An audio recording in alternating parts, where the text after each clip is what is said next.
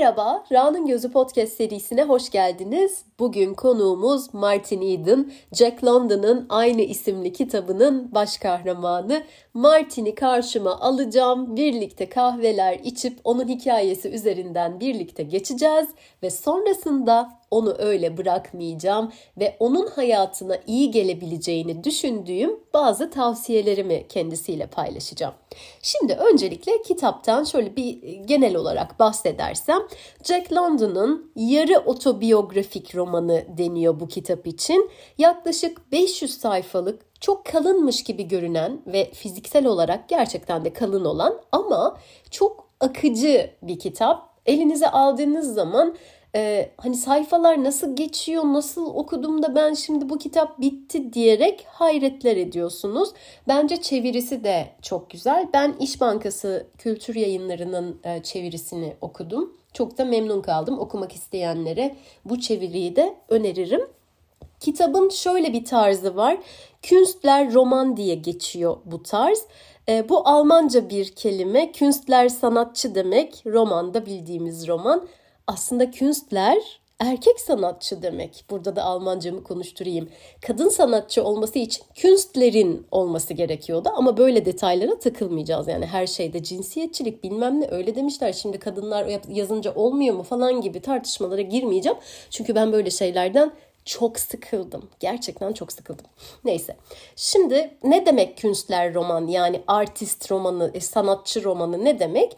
Bir sanatçının gelişim hikayesini anlatan, çıraklıktan olgunluğa, ustalığa geçişi, nasıl olmuş, nelerle karşılaşmış, yolculuk nasıl geçmiş, hangi zorluklarla karşılaşmış gibi hikayesini anlatan romanlara Künstler roman deniyor. Martin Eden da aslında öyle bir kitap. Martin'in yolculuğunu anlatıyor. Böyle bir e, fakir bir denizciyken nasıl ünlü ve zengin bir yazar oldu gibi.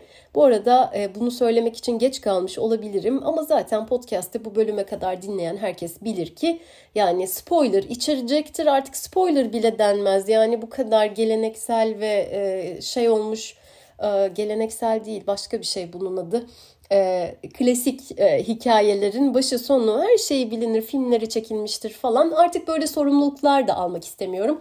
Bu bölümden sonra herhangi bir bölümde bir kitaptan, bir filmden, diziden bahsedeceksem spoiler içermektedir gibi bir uyarı da koymayacağım. Böyle de güzel bir karar aldım Martin sayesinde.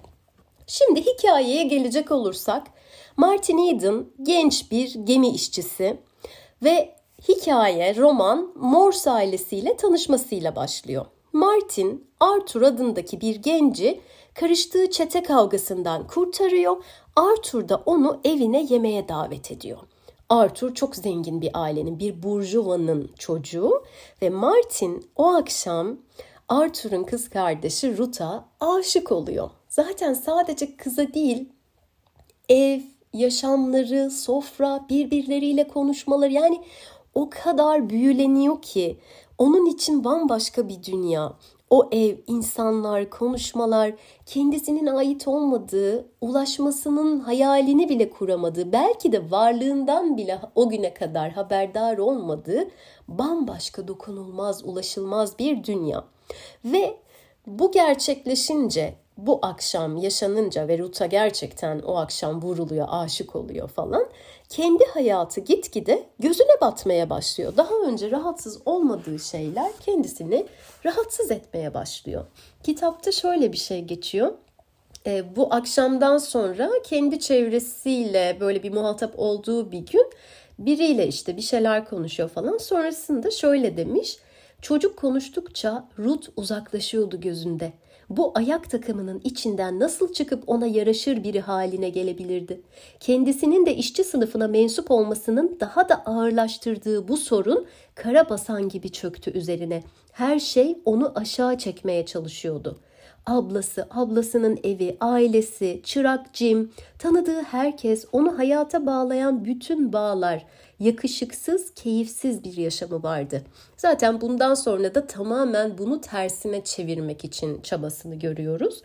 Ve e, şunu fark ediyor ki daha önce bunu hiç sorgulamamış ama işte e, Ruth'la karşılaşınca o akşam ona karşı bir şeyler hissedince onun dünyasına yaklaşmak istiyor.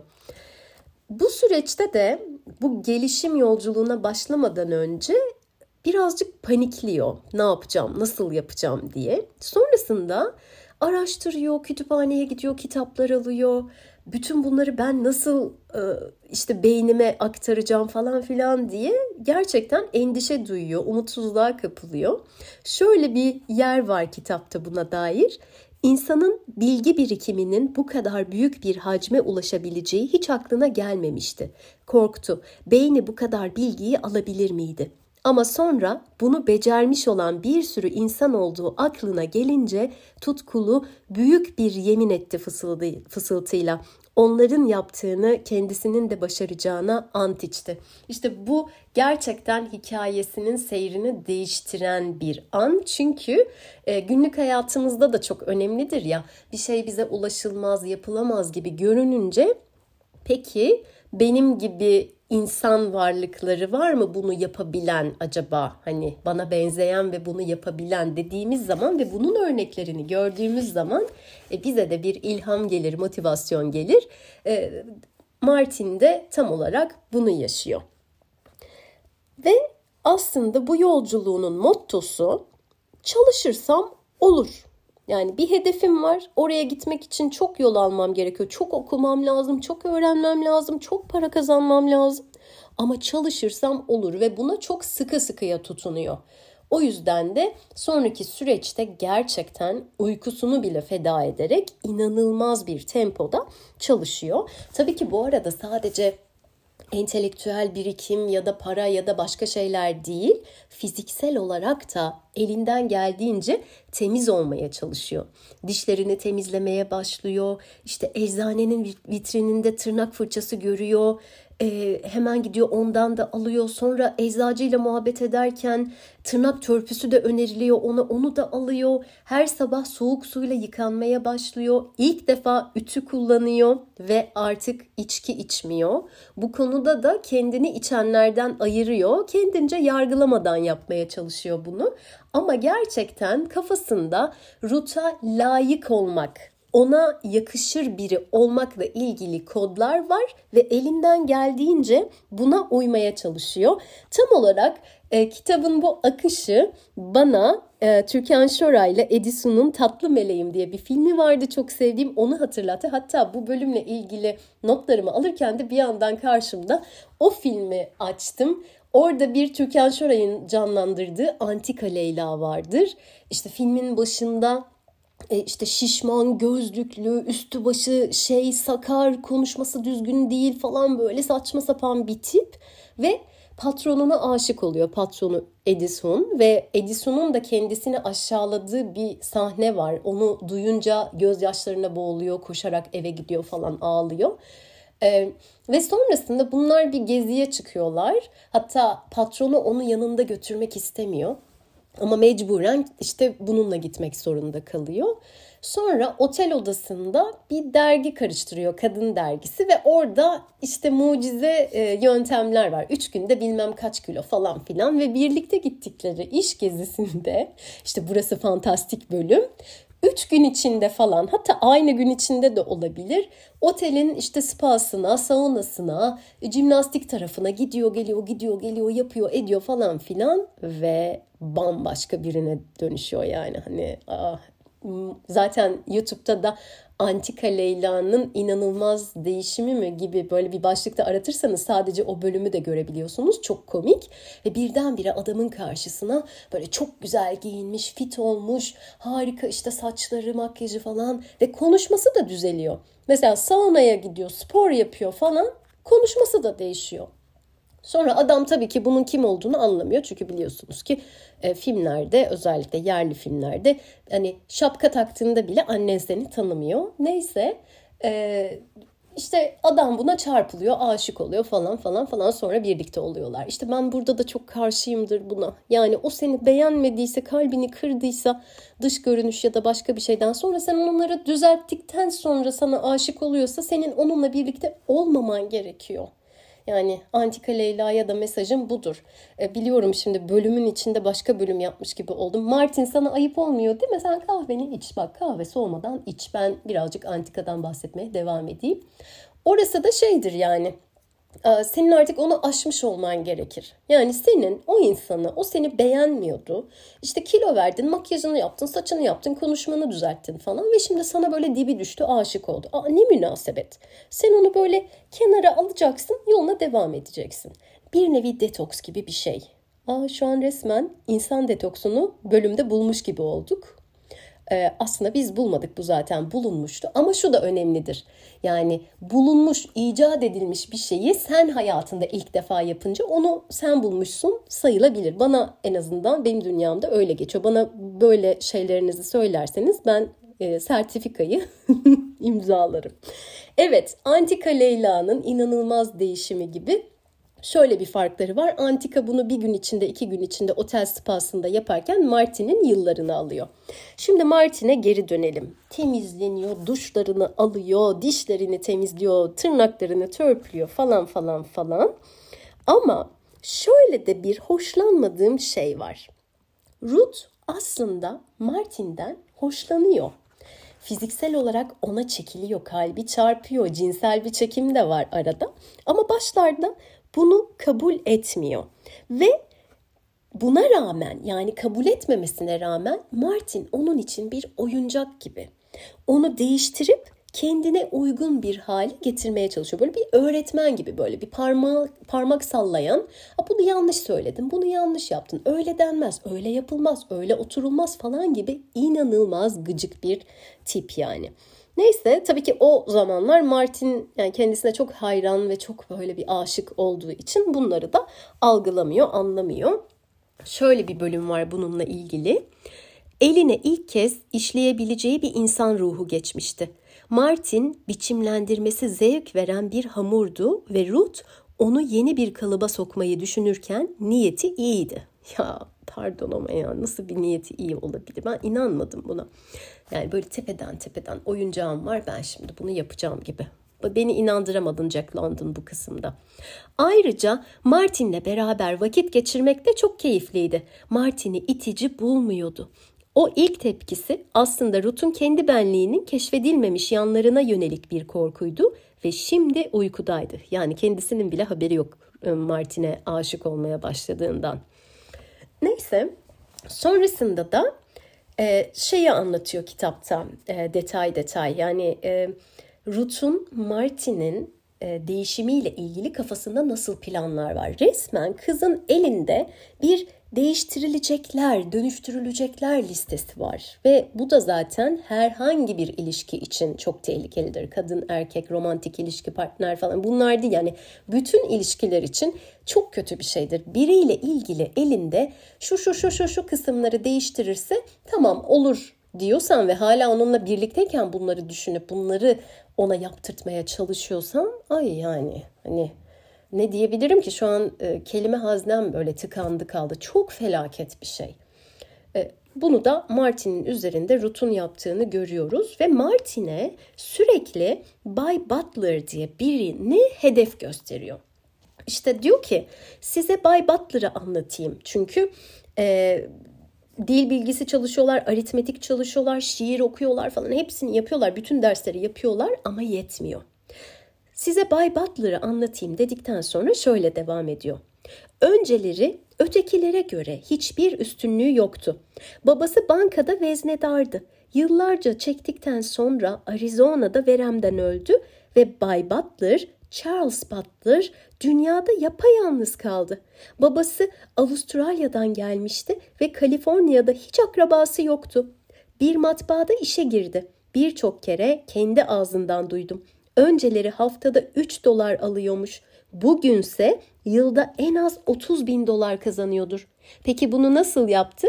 Dürüsttü, sadıktı, çalışkandı ve hesaplıydı.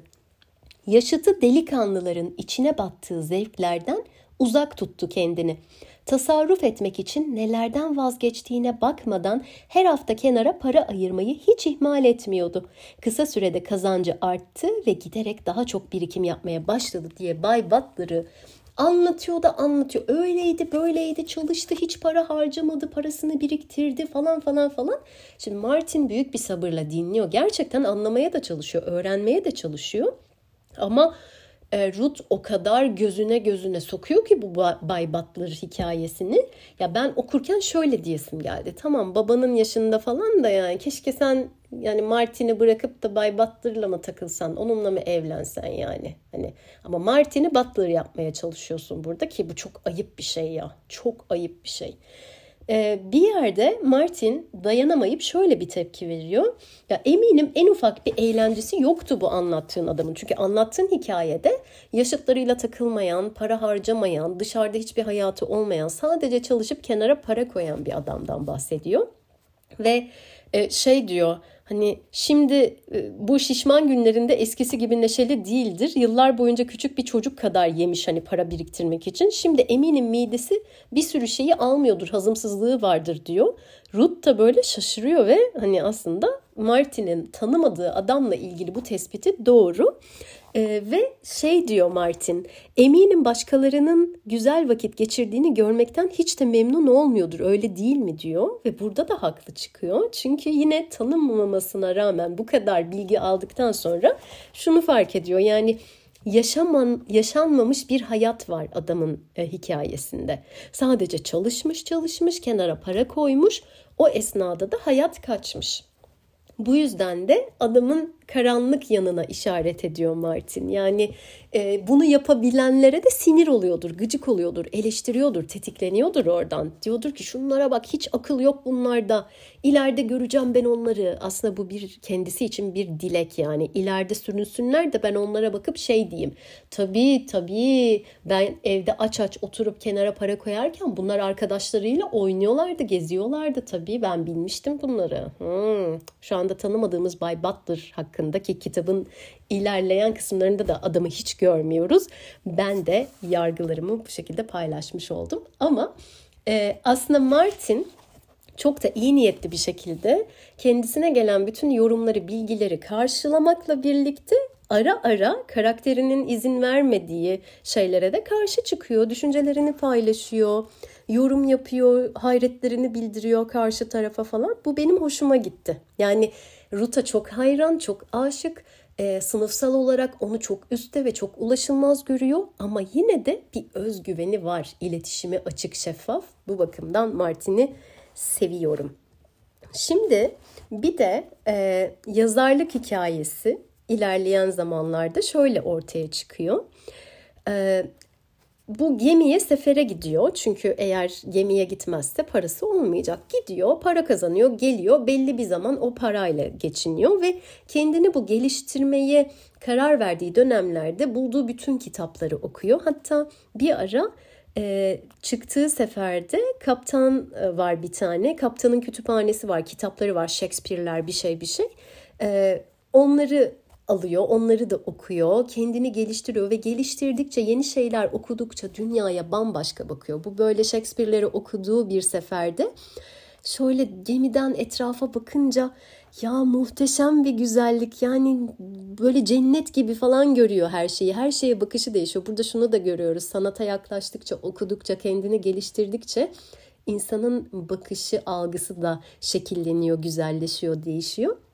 Ve bütün bunları düşünürken e, şey diyor ya keşke hani Ruth da burada olsa bu güzelliği paylaşsak birlikte. Ve diyor ki sonra e, o zaman o burada değilse ben ona küçük küçük parçalar sunabilirim. Hatta sadece onun için değil dünyadaki birçok insan için bunu yapabilirim diyor ve yazarlık fikri oluşmaya başlıyor böyle aklına geliyor. Diyor ki e, Yazar olursam hem bu gördüklerimi, bildiklerimi dünyayla paylaşırım hem de çok iyi para kazanırım. Araştırıyor. İşte ne kadar alıyorlar yazarlar, ne kadar kazanıyorlar. Şu dergide çıkarsa, burada çıkarsa, şu olursa, bu olursa falan diye büyük bir plan yapıyor ve kitabın geri kalan yaklaşık 400 sayfasında bu plana gerçekten sadık kalarak kimse ona inanmasa da yolunda ilerliyor.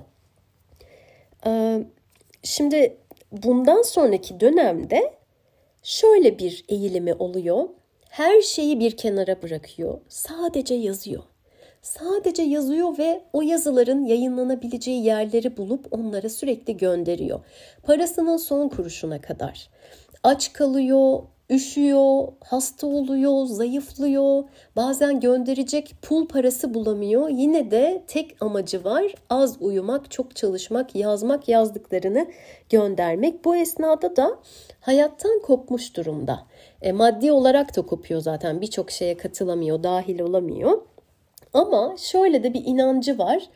E, ben bunu yapacağım ve başarılı olacağım, her şey iyi olacak gibi ve bunu da romanda farklı farklı yerlerde e, tekrarlıyor. Sadece e, insanların da tabii ona inanmamasıyla birlikte moralinin düştüğü çok yer oluyor. Özellikle çok hayran oldu. Yani okuyup vay ve çok güzel yazmışım dediği şeyler var.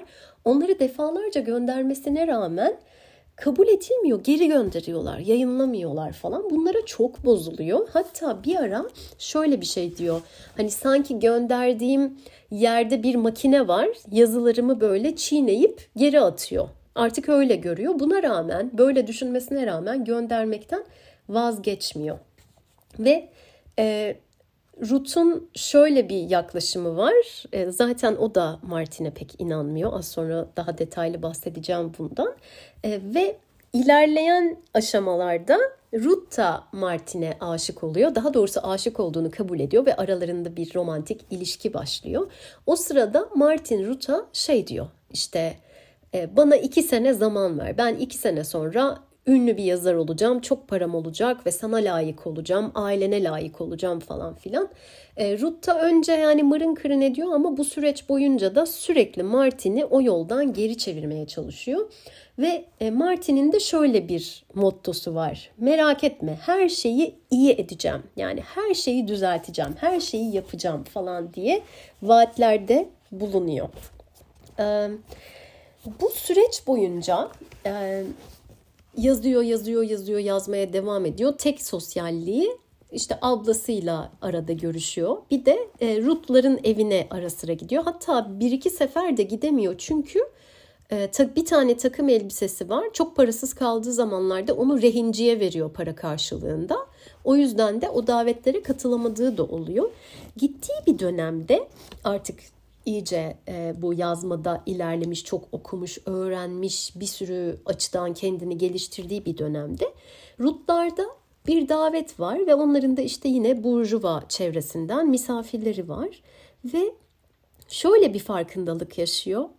Daha önce hayran olduğu, ulaşılmaz gördüğü, kendini böyle çok çok onlara göre aşağıda gördüğü insanlara bakıyor ve diyor ki buradaki bütün erkek ve kadınların aydınlık, ışıl ışıl olduğunu sanırdım. Oysa şimdi gördüğüm kadarıyla söylüyorum ki bir avuç ahmakmış bunlar.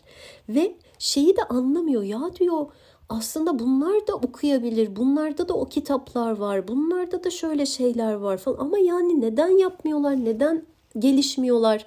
Gitgide oradaki yüzeyselliği fark ediyor. Dışarıdan şık görünen, parlak görünen ama içi boş olan insanları gördükçe, tanıdıkça aslında kendisinin çok da aşağıda olmadığını fark ediyor. Bu bence çok güzel bir farkındalık. Bunu yapmasını da sağlayan şey kendisini yeterince geliştirdi. Ee, çok kendi üzerinde çalıştı. Çalıştıkça kendisiyle ilgili farkındalıkları arttı. Bunun yanı sıra da o eve gire çıka, o insanları görerek onlara fazlaca maruz kalıp fazlaca gözlemleme şansı olduğu için dışarıdan gördüğü paketlerin içini de açma fırsatını buldu. Şimdi burada e, şöyle bir şey de var. Bu ortamların bir tanesinden sonra kendisinin için şöyle düşünüyor. Beklediğinden daha kolay tırmanmıştı yanlarına. Tırmanma konusunda üstündü. Profesör Caldwell hariç yanlarına yükseldiği varlıklardan üstündü. Hayat hakkında, kitaplar hakkında onlardan daha fazlasını biliyor. Aldıkları eğitimi hangi köşe bucağı, hangi kuytuya attıklarını merak ediyordu. Yani yavaş yavaş Martin onların e, seviyesinden de üstün bir yerde olduğunu fark ediyor ve bunu kabul ediyor. Burada da artık bir hafif üstünlük e, şeyi başlıyor. E, ve daha sonrasında da bu kitabın ilk sayfalarında hayran olduğu Morse ailesinin de yani Ruth'un ailesinin de iç yüzünü şu şekilde keşfediyor. Nasıl bir zamanlar bulunduğu ortamlar nedeniyle kendisinin engellendiğini berrak biçimde gördüyse, şimdi de Ruth'un benzer engellerle karşı karşıya bulunduğuna inanıyordu. Kendini geliştirme şansı verilmemişti ona. Babasının kütüphanesindeki kitaplar, duvardaki resimler, piyano ve müzik bunların hepsi gösterişli bir teşhirdi. O kadar. Gerçek edebiyata, gerçek resme, gerçek müziğe bakılırsa Morslar ve onlar gibileri ölmüştü. Yoğun ve umarsız biçimde cahili oldukları çok daha büyük bir şey vardı. Hayat. İşte buraya gelmesi de bence yolculuğunun en kıymetli anlarından biri. Ben okurken gerçekten kendimi çok böyle iyi hissettim. İçimde bir şeyler uçuştu. Ee, çünkü kitabın ilk sayfalarında e, büyülenmiş gibiydi onların paketine bakarak ve kendisini şanssız ve zavallı ve aşağıda hissediyordu. Kendisine şans verilmemiş, eğitim alamamış, böyle bir mahallede, böyle bir evde, böyle bir ailede yetişememiş bir zavallı gibi görürken şimdi de bunu aslında Ruth için düşünüyor. Yani diyor ki evet eğitim var, üniversite var, aile var, para var, imkan, piyano, müzik, davet, şık elbiseler ama yani bu tek karelik bir vitrin gibi bir şey. Yani hani başka da bir şey yok.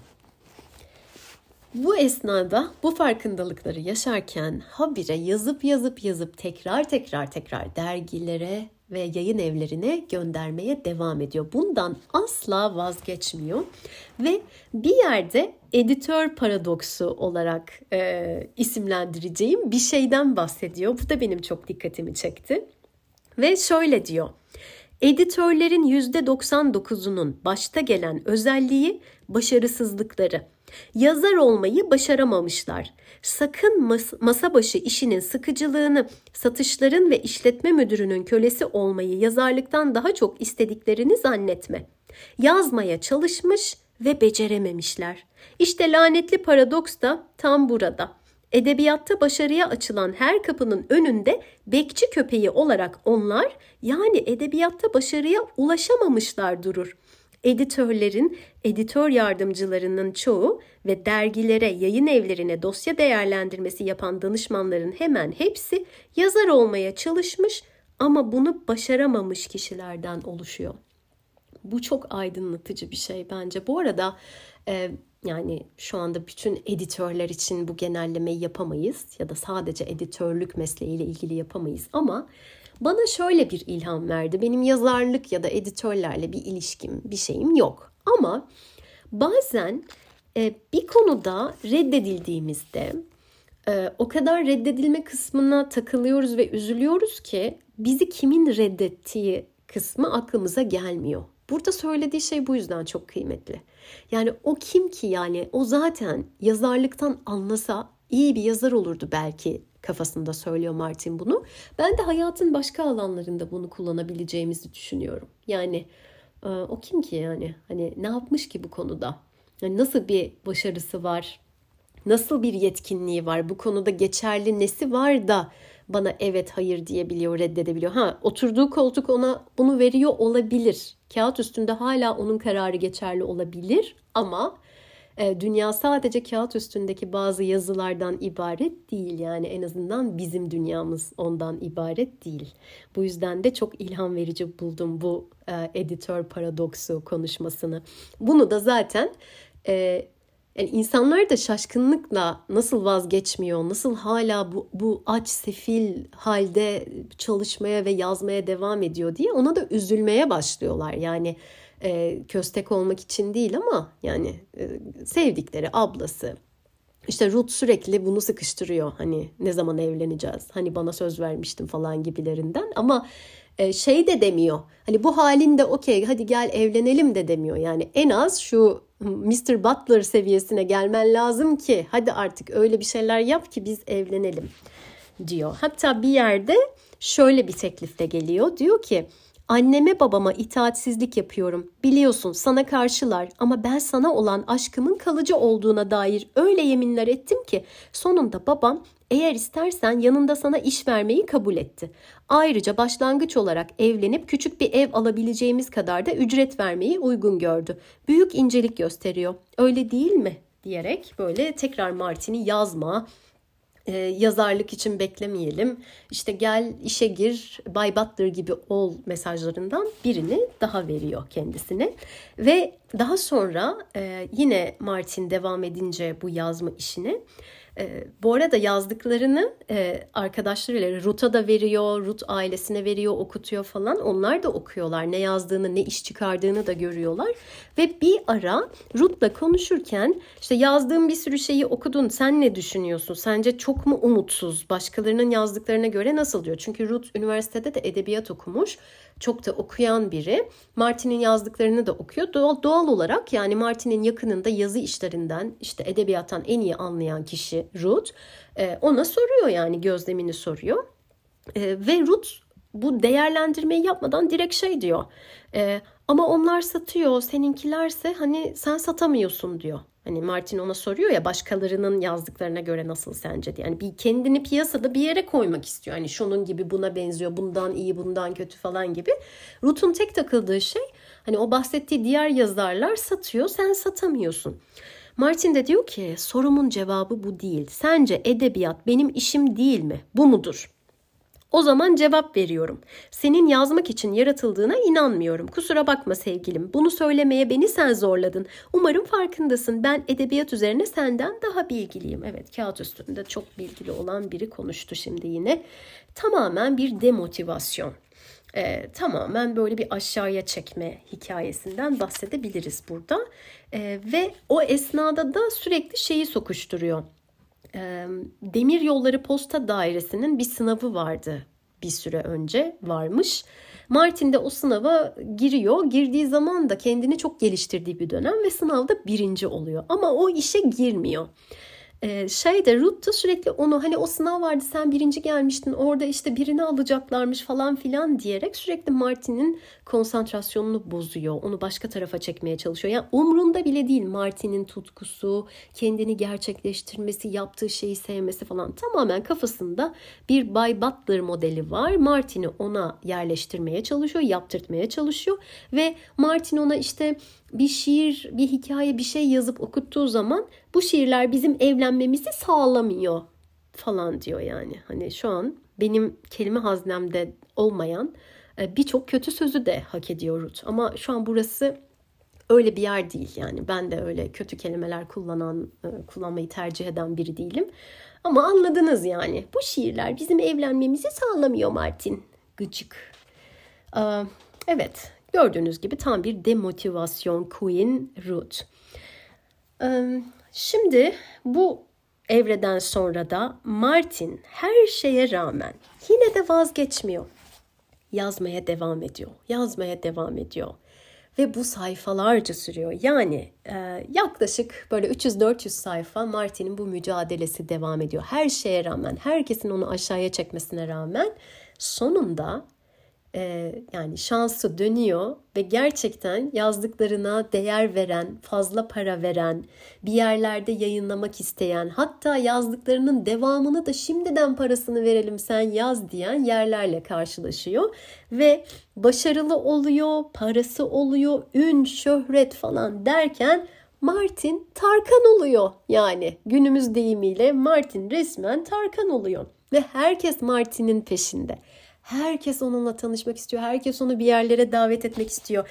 Hatta yani onu kızına layık görmeyen Ruth'un babası Bay Morse bile kendisini işte eve girmesini yasaklayan, Ruth'la nişanını bozan, Ruth'la evlenmesine engel olan Bay Morse bile e, Martin'i bir yerde görünce yemeğe davet ediyor. Şimdi tam da bu kısımlardan sonra hani ün, şöhret, para, başarı geldikten sonra Martin'in depresif halleri ve sonun başlangıcı diyebiliriz. Böyle bir bölüm başlangıcı. E, kafasına çok takılıyor. Kimsenin kendisini yemeğe davet etmediği ve aslında bir tas çorbaya bile çok ihtiyaç duyduğu, besinsiz kaldığı için çok zayıfladığı e, ve çok hastalandığı dönemler geliyor aklına ve diyor ki ya ben zafiyet geçirdim. Asıl o zaman benim yemeğe ihtiyacım vardı. Kimse dönüp yüzüme bakmadı. Neden? Neden? Neden yani? Ve şu en çok onu etkileyen şey diyor ki ben değişmedim. Yazdıklarım değişmedi. Bu yazdıklarımı şu anda bana binlerce dolar ödenen işte kelimesine sayfasına neyse beni işte dolar milyoneri yapan bu yazdıklarım o zaman da vardı. Hatta o zaman yazdıklarımı satıyorum şimdi. Bunları Ruth okudu, ailesi okudu. Kimse yüzüme bile bakmadı. Ama şu anda herkes peşimde. Neden şimdi? Ben değişmedim, bunlar değişmedi. Ve e, şu artık sonuca ulaşıyor. Kesin olan tek şey vardı. Morse ailesi Martin'i kendisi için veya eserleri için istiyor değildi. Kendisi ve eserleri, eserleri için istemiyorsa o zaman şöhreti için, tanınmış olduğu için ve bir de neden olmasın 100 bin dolar parası olduğun için istiyor olmalıydı. Evet yani başka bir açıklaması yok. Yani Martin Eden vs. Aşkı Memnu yani Adnan Bey'i Bihter ne için istiyorsa, Firdevs ne için istiyorsa Martin'i de Ruth ve ailesi onun için istemesin miydi? İstediler. O dolarlar için Martin'i istediler. Ama Martin bunu kaldıramıyor. Yani e, gerçekten de bu konuda çok mutsuz oluyor. Sürekli eserlerini ve kendini sorguluyor başta. Bunlar değişmedi, bunlar aynıydı diyerek. Bu bana şeyi hatırlattı. Ee, bu işte modern sanat, çağdaş sanat diye işte bienaller bilmem neler diyerek çok böyle bize paketi şık sunulan ve gidince duvarda sadece e, buraya kahve dökülmüş sanırım dediğim ama aslında binlerce dolarda sigortalar bilmem neler ödenerek ta bilmem nerelerden uçakla getirtilen eserler olduğunu öğrenmem şoku. Ve yani o sergide gezerken neden neden e, neden yani niye bize bunu yapıyorlar ki falan sorularımı kendime ve etrafa sorduğumda ortamda oluşan o yoga sessizliği gerçekten yani kötüye, çirkine, anlamsıza bunları söyleyebilmek çok büyük bir özgürlük. Söyleyebildiğim için de çok mutluyum. Geçenlerde Yalın Alpay'ın bir söyleşisini e, dinledim. Orada bahsediyordu. E, kendisinin yaptığı, Ali Akay'la yaptığı bir söyleşiden örnek verdi. Şey demişti, çağdaş sanat için e, tanım olarak Ali Akay şöyle diyormuş. Sanat yapıtı, sanat dünyası aktörlerinin sanatçı olarak kabul ettiği kişinin elinden çıkan iştir. Bu sanat dünyasının aktörleri kim? Galericiler, küratörler, koleksiyonerler. E, yani bunlar birine sanatçı deyince işte bu kişi sanatçı, bu çağdaş sanatçı, bu çok başarılı, çok orijinal bir sanatçı dedikleri zaman o dedikleri kişi duvara elma da koyunca wow işte bu, işte bu falan. Anlamıyorsanız siz anlamıyorsunuz. Yeterince buraya gelmemişsiniz. Siz aşağıdasınız hala. Buraya gelenler sadece. Buraya çıkabilenler bu elmanın çürümekte olan, günden güne kendinden geçmekte olan elmanın neler yaşadığını ve bize neler yaşattığını anlayabiliyor. Siz anlayamazsınız. Siz olsanız eve gidip onu ortadan bölüp çekirdeklerini çıkarıp yersiniz. Sizi gidip pislikler. Yani hani ben duvara kahve dökünce duvar kirlenmiş oluyor ama bunların bakın bu adam sanatçı dedikleri adam duvara kahve fırlattığı zaman ve binlerce dolar sigortayla birlikte uçaklara bindirilip o eser e, müzenin ismini vermeyeceğim oraya geldiği zaman ve ben bir cumartesi sabahı bir arkadaşımla birlikte oraya davet edildiğim zaman e, yani müthiş bir sanat oluyor. İşte sanatçının vermek istediği mesaj. Ya benim bununla ilgili bir bölüm mü yapsam ya? Ya ben neler gördüm? Bu gözler neler gördü? Hangisini ilk sıraya koysam bilemedim. Aklıma ilk geleni söyleyeyim. Bir kere İstanbul Modern'de bir şeyin açılışına gitmiştim ve girişte de böyle sergilenen farklı koleksiyonlar vardı.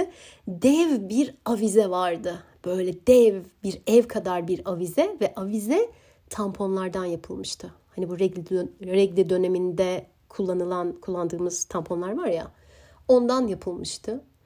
Ben sadece yine neden demiştim yani. Neden doğaya bu kadar zarar veriyoruz? Şimdi bunlar toplandığı zaman bunlar tekrar kullanılmaz ki yani. Evet yine bölüm içinde başka bir çağdaş sanat bölümü açtım. Ama Martin'i de anlıyorum bak. Bak yıl 2023 biz hala bu noktadayız Martin. Birileri sana bu çocuk sana bu çocuk var ya ay inanılmaz bir yazar falan de, deseydi sen market listesi yapıp yanlışlıkla dergiye göndersen bile basılırdı Martin. Yani bu konuda neden bu kadar takıldın ben bunu asıl anlayamadım. Yani benim de üzüldüğüm şey bu az sonra tavsiyelerde e, bahsedeceğim. Şimdi e, bu yüzleşmesi onu çok aşağıya götürüyor. Çok böyle demotive ediyor, hayattan koparıyor, çok yalnız, çok mutsuz. Ee, zaten aslında Martin hayatına son verirken kendini yine denizlere bırakarak intihar ediyor ve e, hayattan çok mutsuz ve çok yalnız bir şekilde ayrılıyor ve bu yüzleşmeyi kaldıramıyor bu yaşananları bu kadar başarı, para, ün gelmesine rağmen. Çünkü sürekli takıntılı bir şekilde neden şimdi? Neden, neden, neden, neden diyor. Yani az önce Antika Leyla için önerdiğim şeyi yapmak yerine hani Antika Leyla için dedim ya hani o adam seni beğenmiyordu şimdi güzelleştin beğendi dibi düştü falan filan. Ama çekil kenara diyeceksin. Çekil çekil çekil. Hani e, gölge bile yapma bana diyeceksin. Dümdüz ilerleyeceksin. Sen de bunu yapacaktın. Hatta bir ara şöyle bir şey oluyor. İşte Ruth e, Martin'in yanına geliyor işte gizlice geldim diyor ben seninle birlikte olmak istiyorum ailemin karşı olmasına rağmen falan gibi bir konuşma yapıyor. Sonra Martin bir anlıyor ki meğer işte o, o kaldığı yerin sokağın köşesinde Ruth'un abisi bekliyormuş. Yani aslında bir zamanlar engel oldukları, e, nişanı bozdukları adama resmen kızlarını bir plan yapıp göndermişler. E, ve Ruth buna kimsenin haberi yok falan diye yalan söyleyerek Martin'i kandırmaya çalışıyor. Halbuki o dönemde zaten Martin için Ruth hani yani sıfırın altında gibi bir şey. Yani artık hiçbir şey hissetmiyor ve zaten o yüzleştiği ve karşısına çıkan gerçekleri hazmedememekle meşgul. Ee, yani işte özetle bunu kaldıramadığı için dünyada kendini yalnız, kopuk, hayatın dışında hissettiği için ve geleceğe dair de hiçbir hevesi, ümidi kalmadığı için, yazmayı da bıraktığı için artık yazmakla ilgili de bir şeyi yok. E, hayata bu şekilde veda ediyor.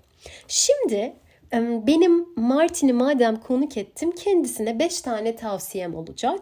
E, bu tavsiyeler Martin'in bu hüzünlü sonunu değiştirebilecek ve onu aslında hayata tekrar bağlayabilecek tavsiyeler diye düşünüyorum.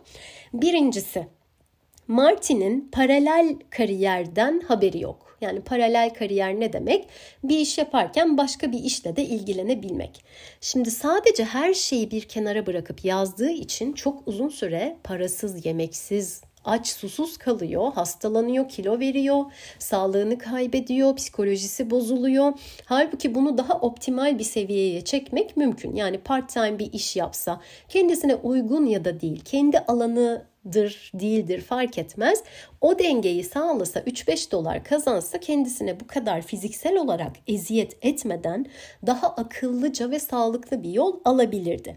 O yüzden ben Martin'e paralel kariyerleri, çalışmaları tavsiye edeceğim.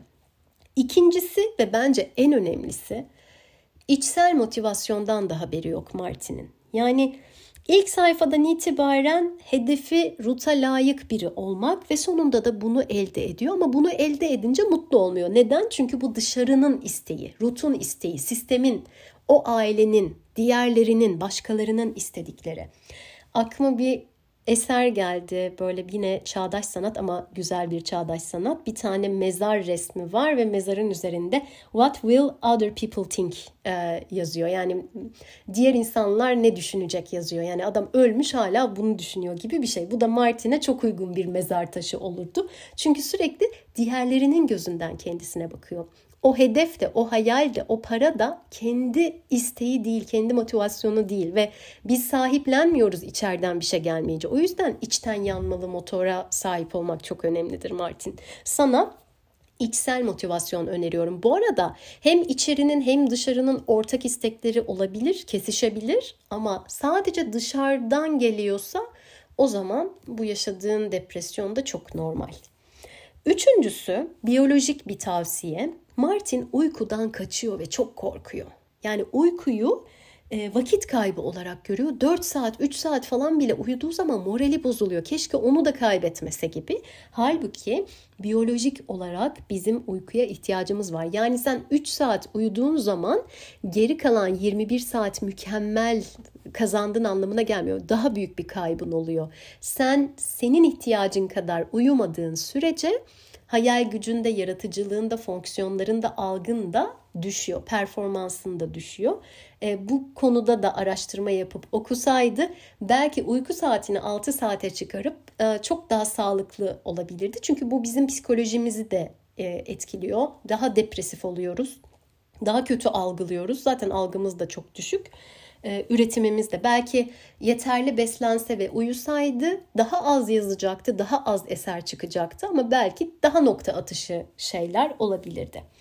Dördüncüsü sahici bağlara sahip değil ve bunun da peşinde değil. Bir iki kere böyle gerçekten kendisini besleyen ortamlara giriyor ve gerçekten yaşadığını hissediyor, gerçekten anlaşıldığını hissediyor, gerçekten besleniyor. Ama onun da devamını getirmiyor. Hatta bir ara gidiyor kapıdan mı girmiyor öyle bir şeyler vardı. Yani e, besleyici network ve sahici bağlar eğer bunlar da yoksa yalnızlık bile okeydir Martin.